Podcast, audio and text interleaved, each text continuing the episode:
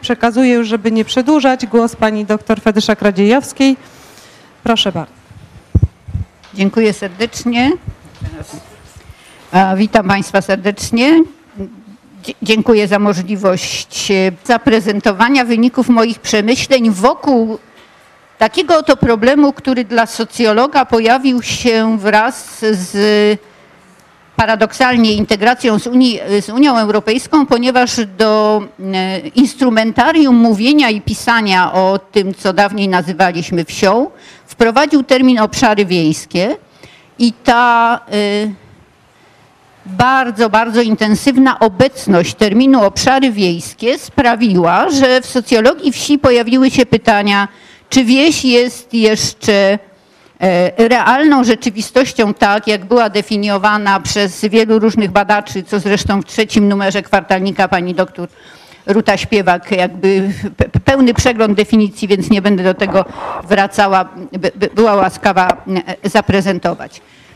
Tak więc chcę, y, chcę taką socjologiczną refleksję na temat tego, czy wieś, czy obszary wiejskie i czy przedmiotem badań socjologii, w ogóle, może socjologii wsi także, wciąż jeszcze mieszkańcy wsi mogą być jako traktowani jako wspólnota wartości czy wspólnota interesu. Ja mm, pozwoliłam sobie pod swoim nazwiskiem tutaj taką małą autopromocję małymi literami społeczności wiejskie, tożsamość, kapitał społeczny, wspólnotowe identyfikacje, bo w tej książce, którą y, jako podsumowanie czterech lat pracy, te moje rozważania i rozmyślania są właśnie pod tym drugim tytułem i w gruncie rzeczy będę się e, kierowała w swoich refleksjach nad tym, co badamy, co o tej społeczności dzisiaj możemy powiedzieć, na ile się zmieniła, a na ile jak sądzę, wciąż jest społecznością, która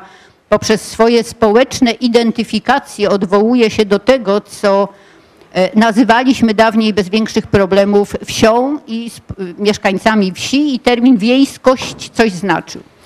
Pozwalam sobie jako takie pytania wstępne do refleksji. Te moje pytania, zresztą bardzo w gruncie rzeczy korespondujące z pierwszą częścią naszej konferencji, to są pytania o to, czym i kim są, czym jest dzisiaj wieś i kim są jej mieszkańcy, e, w, szczególnie w instytucie tak interdyscyplinarnym jak Instytut Rozwoju Wsi i Rolnictwa, w którym ekonomiści no, pewien punkt widzenia na mieszkańców wsi w sposób naturalny może nie narzucają, ale który proponują. Więc czy to jest społeczność i była to społeczność o której możemy powiedzieć, to po prostu pracownicy sektora rolnego, a on w toku prawda, postępującej modernizacji, intensyfikacji, utawarowienia i paru jeszcze innych procesów, które są dla ekonomistów oczywiste i nieuchronne, e, przestanie istnieć jako y, y, społeczność wiejska po prostu dlatego, że liczba rolników i liczba gospodarstw rolnych radykalnie zmniejszy się do, do bardzo, bardzo nielicznej grupy, nie wiem, 300, 200, a może 127 tysięcy gospodarstw. Czy w związku z tym wieś i jej mieszkańcy to jeszcze wciąż wspólnota, a może już po prostu wspólnota w zaniku i już e, wiemy na pewno, że w procesie przekształceń społeczno-ekonomicznych zakończy się zbiorowością zamieszkującą obszary wiejskie, a nie wspólnotą. Czy zmieni się także to, co wydawało się w definiowaniu wsi naturalne, czyli że jest to miejsce w przestrzeni społecznej, z którego zawsze bliżej na peryferię niż do centrum, a to w sensie społecznym i w sensie identyfikacji i tożsamości społecznej ma jednak znaczenie. Czy nadal wieś w sytuacji, w której mówimy o wielu rozlicznych programach, instrumentach i także zmianach na lepsze, które po wejściu Polski do Unii Europejskiej wydarzyły się rolnikom i mieszkańcom wsi. Czy więc e, mimo to e, wieś nadal jest e, takim miejscem, które dla swoich mieszkańców może oznaczać potencjalne ryzyko wykluczenia społecznego, czyli gorszy dostęp do takich podstawowych wartości jak dochody czy szanse edukacyjne. Czy to po prostu obszar objęty działaniami PROW-u, tak? No bo jak to wieś jest dzisiaj tylko miejscem, w którym realizujemy PROW, to to są obszary wiejskie i w ogóle nie ma o czym dyskutować. Czy też, tak jak ja chciałabym to dzisiaj rozważyć i zaproponować, jest to jednak e, ciągle jeszcze zbiorowość, o której możemy powiedzieć, że poprzez swoje szczególne doświadczenia, identyfikacje, e, nadal w jakiś inny, współczesny sposób wierna jest pewnym elementom swojej społecznej tożsamości. Będę o tym jeszcze mówić, ale ten ostatni punkt wymaga wyjaśnienia. Tożsamość społeczna to ogół społecznych identyfikacji definiujących jednostkę jako członka grupy społecznej w kontraście z innymi grupami. Ta tożsamość społeczna przez Krzysztofa Kosełę jest traktowana jako kategoria, która dzisiaj często stosowana jest na przykład przy opisywaniu nowych ruchów społecznych. I można nawet zauważyć, że jeżeli wśród członków takich ruchów społecznych, które mają wyrazistą identyfikację z wartościami, mają poczucie więzi, mają y, mniej czy bardziej wyraziście formułowane cele, na przykład ruchy ekologiczne, tak? ruchy, nie wiem, obrońców życia, ruchy e, edukacyjne, charytatywne, że jeżeli ta tożsamość społeczna, czyli to poczucie identyfikacji członków tej zbiorowości jest w miarę silne i w miarę e, wyraziste, czyli jestem zwolennikiem prawda, walki z GMO, tak? albo jestem z przeciwnikiem y, broni atomowej, patrzę na biedną Marię Curie-Skłodowską e, na tym obrazie. Otóż e, to znaczy, że identyfikuję siebie i tę moją społeczną tożsamość i te społeczne identyfikacje łącznie w tej zbiorowości tworzą pewien pewien element wspólnoty. Otóż Krzysztof Koseła mówi, że analizując ruchy społeczne odkrywamy, że te, które mają tą tożsamość społeczną i społeczne identyfikacje, one są bardziej aktywne, bardziej, bardziej powiedziałabym zmotywowane do działania. Te, które tej identyfikacji nie mają, nazywa ruchami, w których większość to pasażerowie na gapę, czyli, czyli są, ale chcą być więzieni przez tych, którzy są liderami tych organizacji. Więc e, mój trop analizy tego, czym jest wieś i społeczności wiejskie, to jest trop szukania tożsamości i szukania pewnych identyfikacji z przeszłości, które być może tak czy inaczej przejawiają się dzisiaj e, w współczesnych wyborach. No, nie mam za sobą wielkiego grantu, do którego mogłabym się odwołać, ale są takie badania, do których pozwolę sobie tutaj E, które, których wyniki pozwolę sobie tutaj wykorzystać. Oczywiście nie muszę, nie muszę mówić, że wieś nadal istnieje w sensie liczebnym, bo to, to Państwo tutaj wszyscy wiecie i zostało to już powiedziane, ale w, w takich liczbach bezwzględnych, już niezależnie od tego skąd bierze się ta różnica między 2002 i 2010 rokiem, a wynosi tam dwieście kilkadziesiąt tysięcy E, na plus, jeśli chodzi o mieszkańców wsi, to jest to tak, że w sensie tak zwanej rzeczywistej rzeczywistości wieś istnieje. Za tym, czy wieś, czy obszary wiejskie jako przedmiot badań socjologa, bo e, dla socjologa sektor rolny może być traktowany wyłącznie jako źródło dochodów społeczności, którą bada. Podobnie jak teza o tym, że jest społecznością w zaniku, wymaga pewnych empirycznych dowodów.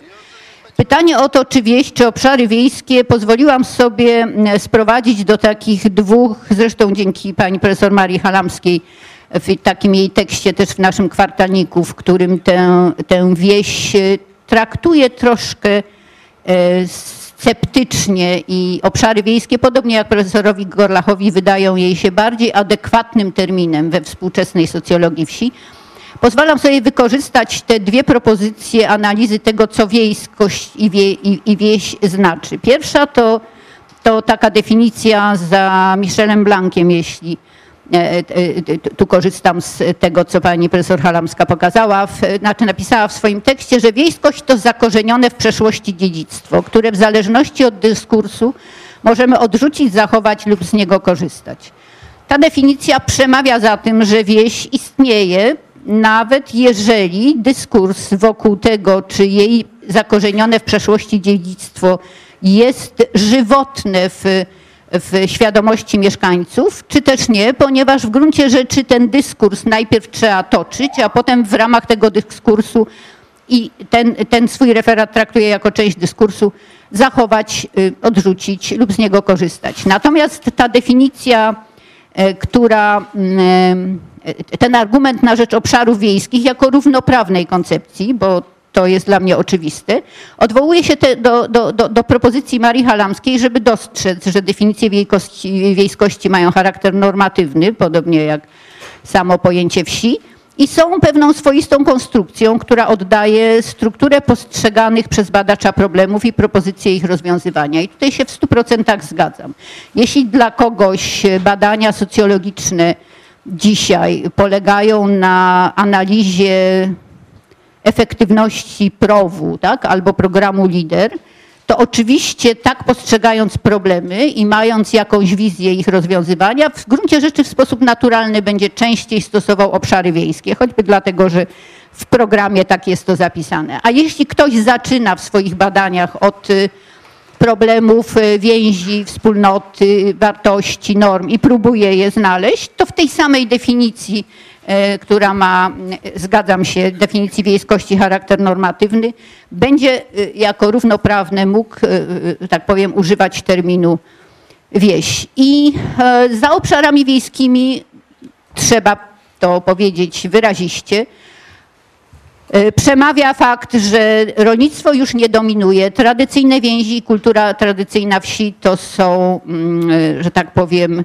rzeczy, których we wsi, na, na, na, polskiej wsi dzisiaj nie znajdziemy powszechnie i we wszystkich regionach, a mieszkańcy wsi są w swoich opiniach i wewnętrznie zróżnicowani i coraz bardziej podobni do mieszkańców miast, więc mo, może obszary wiejskie.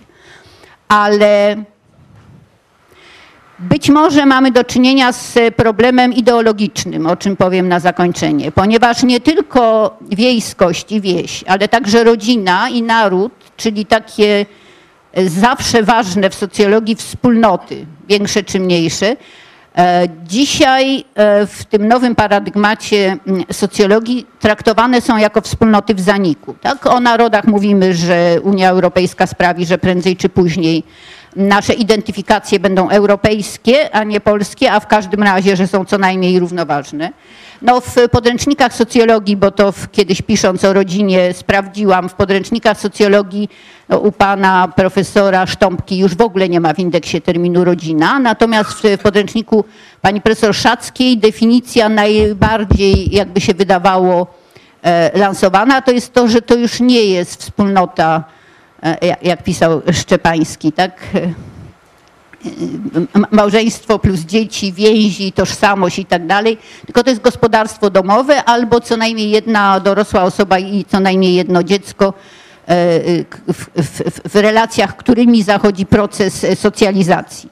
Więc być może jest tak, że ta niechęć do terminu wieś i wspólnota wiejska jest częścią nowego paradygmatu w socjologii, który oczywiście ma prawo istnieć, ale który warto zauważyć i dla którego wspólnoty rzeczywiście są czymś E, co zanika. I pozwolę sobie za wsią jeszcze użyć argumentu Floriana Znanieckiego i tej jego wizji socjologii ze współczynnikiem humanistycznym, który przypomina, że przedmiotem wszystkich naszych teoretycznych rozważań, definicji jest y, y, równocześnie coś, co jest przedmiotem danym konkretnym ludziom w ich doświadczeniu. A jeśli w ich doświadczeniu wieś istnieje jako wieś, to y, jest przedmiotem naszych badań uprawnionym, co najmniej tak jak obszary wiejskie. No i tutaj jeszcze raz przypominam definicję, bo będę szukała w wiejskości i wsi nie w tych tradycyjnych, y, powiedziałabym, identyfikacjach przez rolnictwo, przez y, tradycyjną ludową kulturę i przez takie wartości które były z kulturą ludową związane, tylko właśnie przez tożsamość. Czy społeczna tożsamość zakorzeniona w przeszłości jest częścią współczesnych identyfikacji mieszkańców wsi? No więc to, y, to y, społeczne, tak, już przepraszam, muszę się śpieszyć. Definicja Krzysztofa Koseły to, y, to ta część koncepcji siebie, która definiuje jednostkę jako członka grupy w kontraście z innymi grupami. E, I jest tutaj takie moje pytanie, czy można być przywiązanym do swoich obszarów wiejskich? Czy jednak w naszym e, sposobie komunikowania się z innymi ludźmi nie mówimy jednak, jestem przywiązany do swojej wsi, tu pada nazwa, podobnie jak jestem przywiązany do Warszawy, a nie do swoich obszarów miejskich. I że jeżeli Znaniecki ma rację, że to, co jest przedmiotem naszego doświadczenia, wyraża się w języku, to może nie, nie zostawiajmy jeszcze wsi jako przedmiotu badań, jako wspólnoty, której już nie ma albo która już właśnie znika. Ja pozwalam sobie tę identyfikację z rolnictwem, z przyrodą, z własnością ziemi, oraz takim specyficznym sąsiedztwem, które nazywam instytucją sąsiedztwa, bo ono jest wielopokoleniowe i zakorzenione w trwałości, która w blokowiskach i w miastach nigdy nie jest tak wielopokoleniowa wstecz, a to na, w społecznościach wiejskich w większości ma miejsce. No i uważam, że taką trwałą identyfikacją jest także położenie peryferyjne. To znaczy, jeśli to, co Zarycki pisze o subpolach, peryferia i centrum i rozważa je na poziomie państw, na poziomie regionów, to dokładnie tak samo y, rozważania między tym, co maksymalnie wiejskie, a tym, co maksymalnie metropolitarne i miejskie, zawsze możemy prowadzić jako rozważania o dwóch kontrastujących ze sobą subpolach tego, co wiejskie i co miejskie. A pozwalam sobie z tych y, z tego zakorzenienia w przeszłości, które w dyskursie publicznym może budować wiejskość lub też ją unicestwić, przypomnieć, i to w moim tekście jest, więc wiele nie będę o tym mówiła, ale przypomnieć to, co jest specyficznie wiejskie, a równocześnie, jak pozwalam sobie powiedzieć, amputowane w dyskursie publicznym i w świadomości nie tylko mieszkańców wsi, być może w mniejszym stopniu, ale na pewno w świadomości Polaków i w świadomości mieszkańców miast. Czyli po pierwsze taka szczególna suma doświadczeń, która wyrasta z obronionej w czasach PRL-u prywatnej własności ziemi, bo ta obrona zaczęła się tuż po wojnie, no zaczęła się oczywiście od reformy rolnej, czyli była taką ofertą złożoną chłopom, których głód ziemi był, że tak powiem, w oczywisty sposób przeniesiony z II Rzeczpospolitej, a która poprzez zniszczenie PSL-u, poprzez tak powiem, zniszczenie agraryzmu i zniszczenie tej tkanki, nazwijmy to, jaką stanowiło 800 tysięcy członków PSL-u, bo, bo tylu było przed przekształceniem ZSL. Zostało ich niewiele ponad 100 tysięcy, kiedy kiedy po sfałszowanych wyborach, po, po tam stu ofiarach, prawda, aresztowanych działaczach w okolicach wyborów 1947 roku chcę powiedzieć, że mniej czy bardziej represjonowanych było około 100 tysięcy ludzi związanych z PSL-em, a 100 działaczy, po prostu ponad 100 zamordowanych, 100 kandydatów z list aresztowanych. Jak opowiadamy sobie o przeszłości i o naszym zakorzenieniu, to zaczynamy od czerwca 1956 roku ta historia została amputowana. Ale mimo to ta batalia o prywatną własność ziemi ma za sobą ma za sobą udaną walkę z kolektywizacją, no i tą batalię o niezależny samorządny związek zawodowy rolników indywidualnych Solidarność, którego początki sięgają ustawy emerytura za ziemię, czyli nowej formuły, w której własność ziemi zdaniem y, wielu rolników i chłopów była zagrożona. Ten strajk trwał 40 dni, czyli dłużej niż sierpniowy. Od y, strajku y, w Ustrzykach Dolnych do rejestracji minęło, a właściwie od pierwszej odmowy rejestracji z października minęło 5 miesięcy, więc batalia wsi była o wiele dłuższa. Bez pomocy Solidarności Pracowniczej pewnie zostałaby przegrana i rejestracja nastąpiła dopiero 12 maja. Ja chcę powiedzieć, że bardzo pomaga mi w tym moim przekonaniu, że te zakorzenienie w przeszłości ma znaczenie dla dzisiejszych identyfikacji. Taki zapis, który e, oficer prowadzący tajnego współpracownika Walter umieścił w opracowaniu na temat tego, dlaczego ten strajk w Rzeszowie i w Ustrzykach tak długo trwa. I to jest to, co na dole. Strajk dawno by się rozleciał, gdyby nie religia, oprawa przekazania i nagromadzony gniew z przeszłości. Myślę, że ten nagromadzony gniew sprzed 30 lat, jeśli pracował w 81 roku na rzecz batalii, to możemy powiedzieć, że to, co wydarzyło się w latach 80., z całą pewnością w dzisiejszych identyfikacjach mniej czy bardziej ma prawo być obecny, chociaż nie mam dowodów, że jest. E, o migracjach nie będę mówiła, bo wiemy, że, y, że wieś jest coraz liczniejsza, ale proszę zwrócić uwagę, że ta atrakcyjność wsi jest wyraźnie większa w sondażach po wejściu do Unii Europejskiej. Y, Proszę zwrócić uwagę, że także sytuacja bezrobocia i kryzysu sprawia, że ta stara, tradycyjna rola y, rolnictwa i wsi, o, o czym tu była mowa, czyli absorbera bezrobocia, tak? I takiego bardziej mniej upokarzającej biedy. Ona jest trwała, ona wyklucza i marginalizuje, ale bieda wiejska mniej upokarza niż bieda, ta skrajna bieda miejska, która przesuwa człowieka naprawdę do socjału i do bardzo dramatycznej sytuacji. Więc y, po, pozwolę sobie tylko przytoczyć badania dla Ministerstwa Rolnictwa i Rozwoju Wsi, z których wynika, że ta wola przeprowadzki do miasta y, spada. I to jest tak, że mieszkańcy wsi w dzie- 2010 nie przeprowadziliby się w wymiarze 77%, a w 2011 już 81% i oczywiście znacznie większym stopniu rolnicy niż nierolnicy.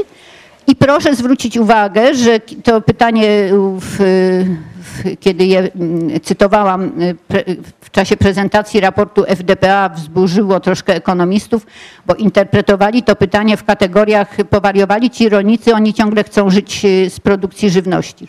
To nie jest pytanie o źródła utrzymania, to jest pytanie o tożsamość. Znaczy ja je interpretuję przez identyfikację. Czym jest wieś? Jaką, ja- jaką rolę, tutaj są obszary wiejskie, proszę zwrócić uwagę, więc e, e, to, to jest moja pokora wobec rzeczywistości, że tego nie poprawiam i nie zmieniam, bo tak jest, ale na, zdecydowanie na pierwszym miejscu zarówno wśród rolników i nierolnicy. Rolnicy i nierolnicy różnią się tym, czy płacą, czy są w krusie, czy nie. To jest bardzo dobre kryterium. Rolnicy to są ci, którzy odpowiadają a, i są krusowcami. Nierolnicy to ci nawet mogą mieć ziemię. To nie jest tak, że nie mają, ale nie są w, w krusie. To może być nauczyciel. Co trzeci nauczyciel na wsi ma dzisiaj ziemię, podobnie jak kadra kierownicza i parę innych zawodów.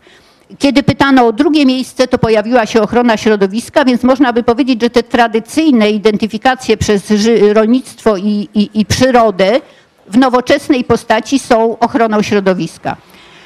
E, To pomijamy. Moja, moja teza, y, y, z którą spróbuję uzasadnić, to mm, jest taka, że współczesne identyfikacje mieszkańców wsi są zakorzenione w doświadczeniach z przeszłości i w tradycyjnych wartościach, bo jeśli pytamy o to, jakie powinno być polskie rolnictwo, wygrywają duże gospodarstwa e, przepraszam, wygrywają małe i średnie gospodarstwa rolne z dużymi, a kiedy próbujemy do, dopytać, e, czy te małe i średnie to są gospodarstwa rodzinne i ile, i, jak, jak dalece rolnictwo powinno być oparte o przedsiębiorstwa rolne, proszę zwrócić uwagę, że zarówno rolnicy, jak i nierolnicy e, to nie są mieszkańcy wsi czy wspólnoty wiejskiej, którzy ten sektor rolny chcieliby rozwijać. I znowu powiadam, bardzo łatwo to wytłumaczyć przez tradycyjne identyfikacje i tą batalię o gospodarstwa rodzinne,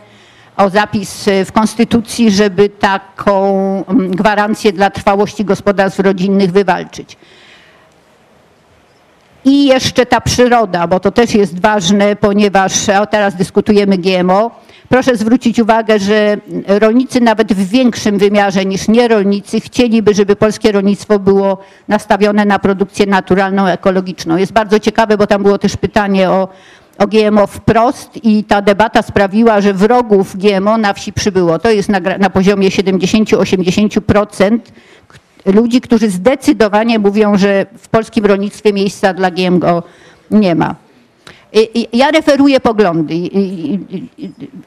Traktuję jako przesłanki mm, do tej tezy, że te nowe i stare identyfikacje są sobie bliskie. I to już jest końcówka.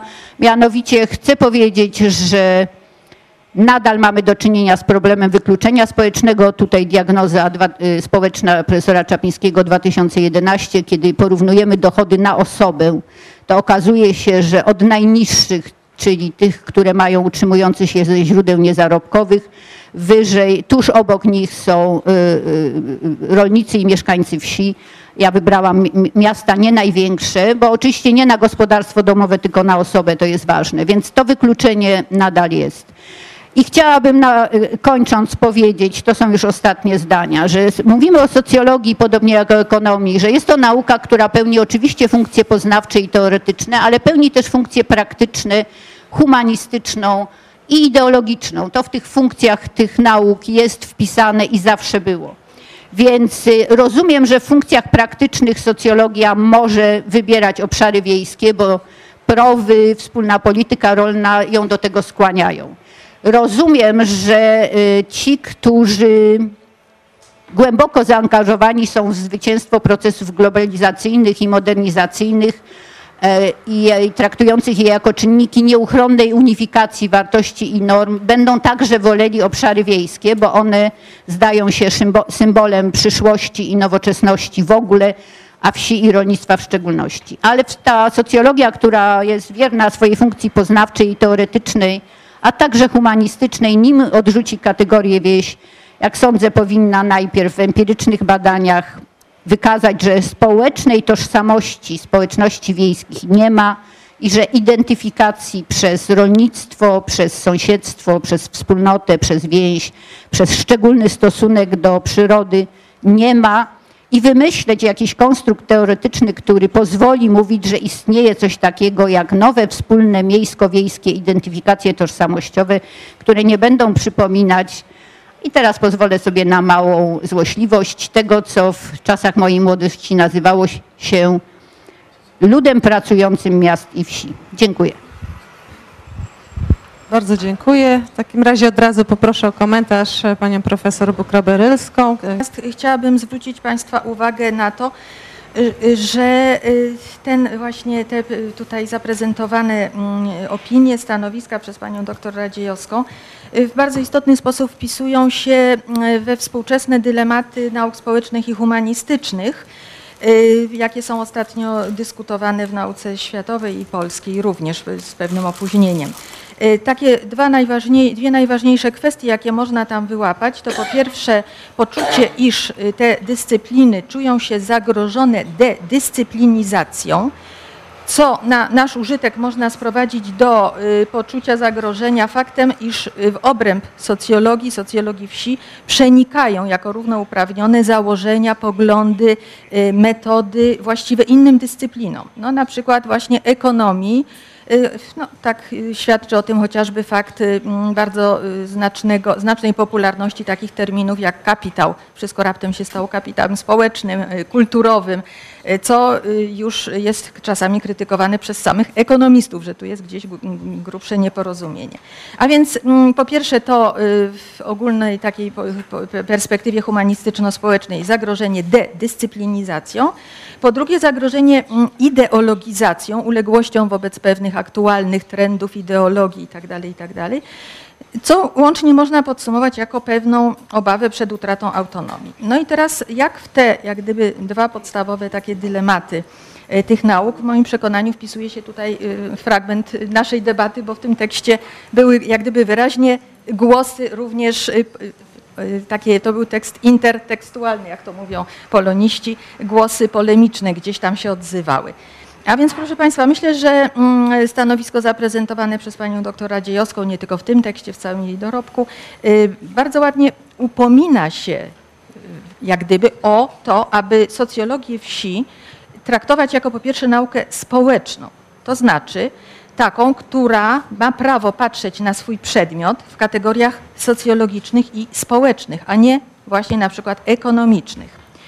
Y, myślę, że bardzo y, ładnie tutaj koresponduje z tą problematyką niedawno opublikowany we Wsi Rolnictwie artykuł dr Ruty Śpiewak, która przywołała różnorakie definicje wiejskości, między innymi, za co, co jestem jej osobiście wdzięczna, bardzo ładne definicje Grabskiego, którego koncepcja systemu społecznego y, wsi, mm, zdaniem na przykład profesora Styka, nie została w ogóle podjęta, rozwinięta, szkoda, bo mogłaby się stać jakąś, jakimś rdzeniem orientującym i wyznaczającym naszą tożsamość socjologów wsi.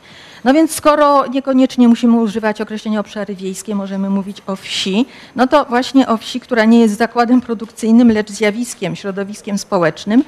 A w związku z tym mamy pełne prawo nawiązywać do tradycji, do etosu dyscypliny i śledzić to, jak przedstawia się dzisiaj e, tradycja, tożsamość, kultura, etos mieszkańców wsi, ludności wiejskiej, no także rolniczej.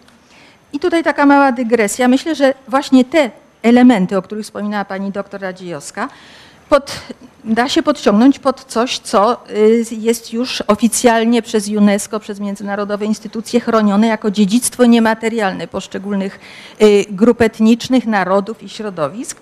Przypomnę, że w roku 2010 nasz Sejm ratyfikował ustawę o konwencji UNESCO z 2003 roku dotyczącej y, ochrony niematerialnego dziedzictwa.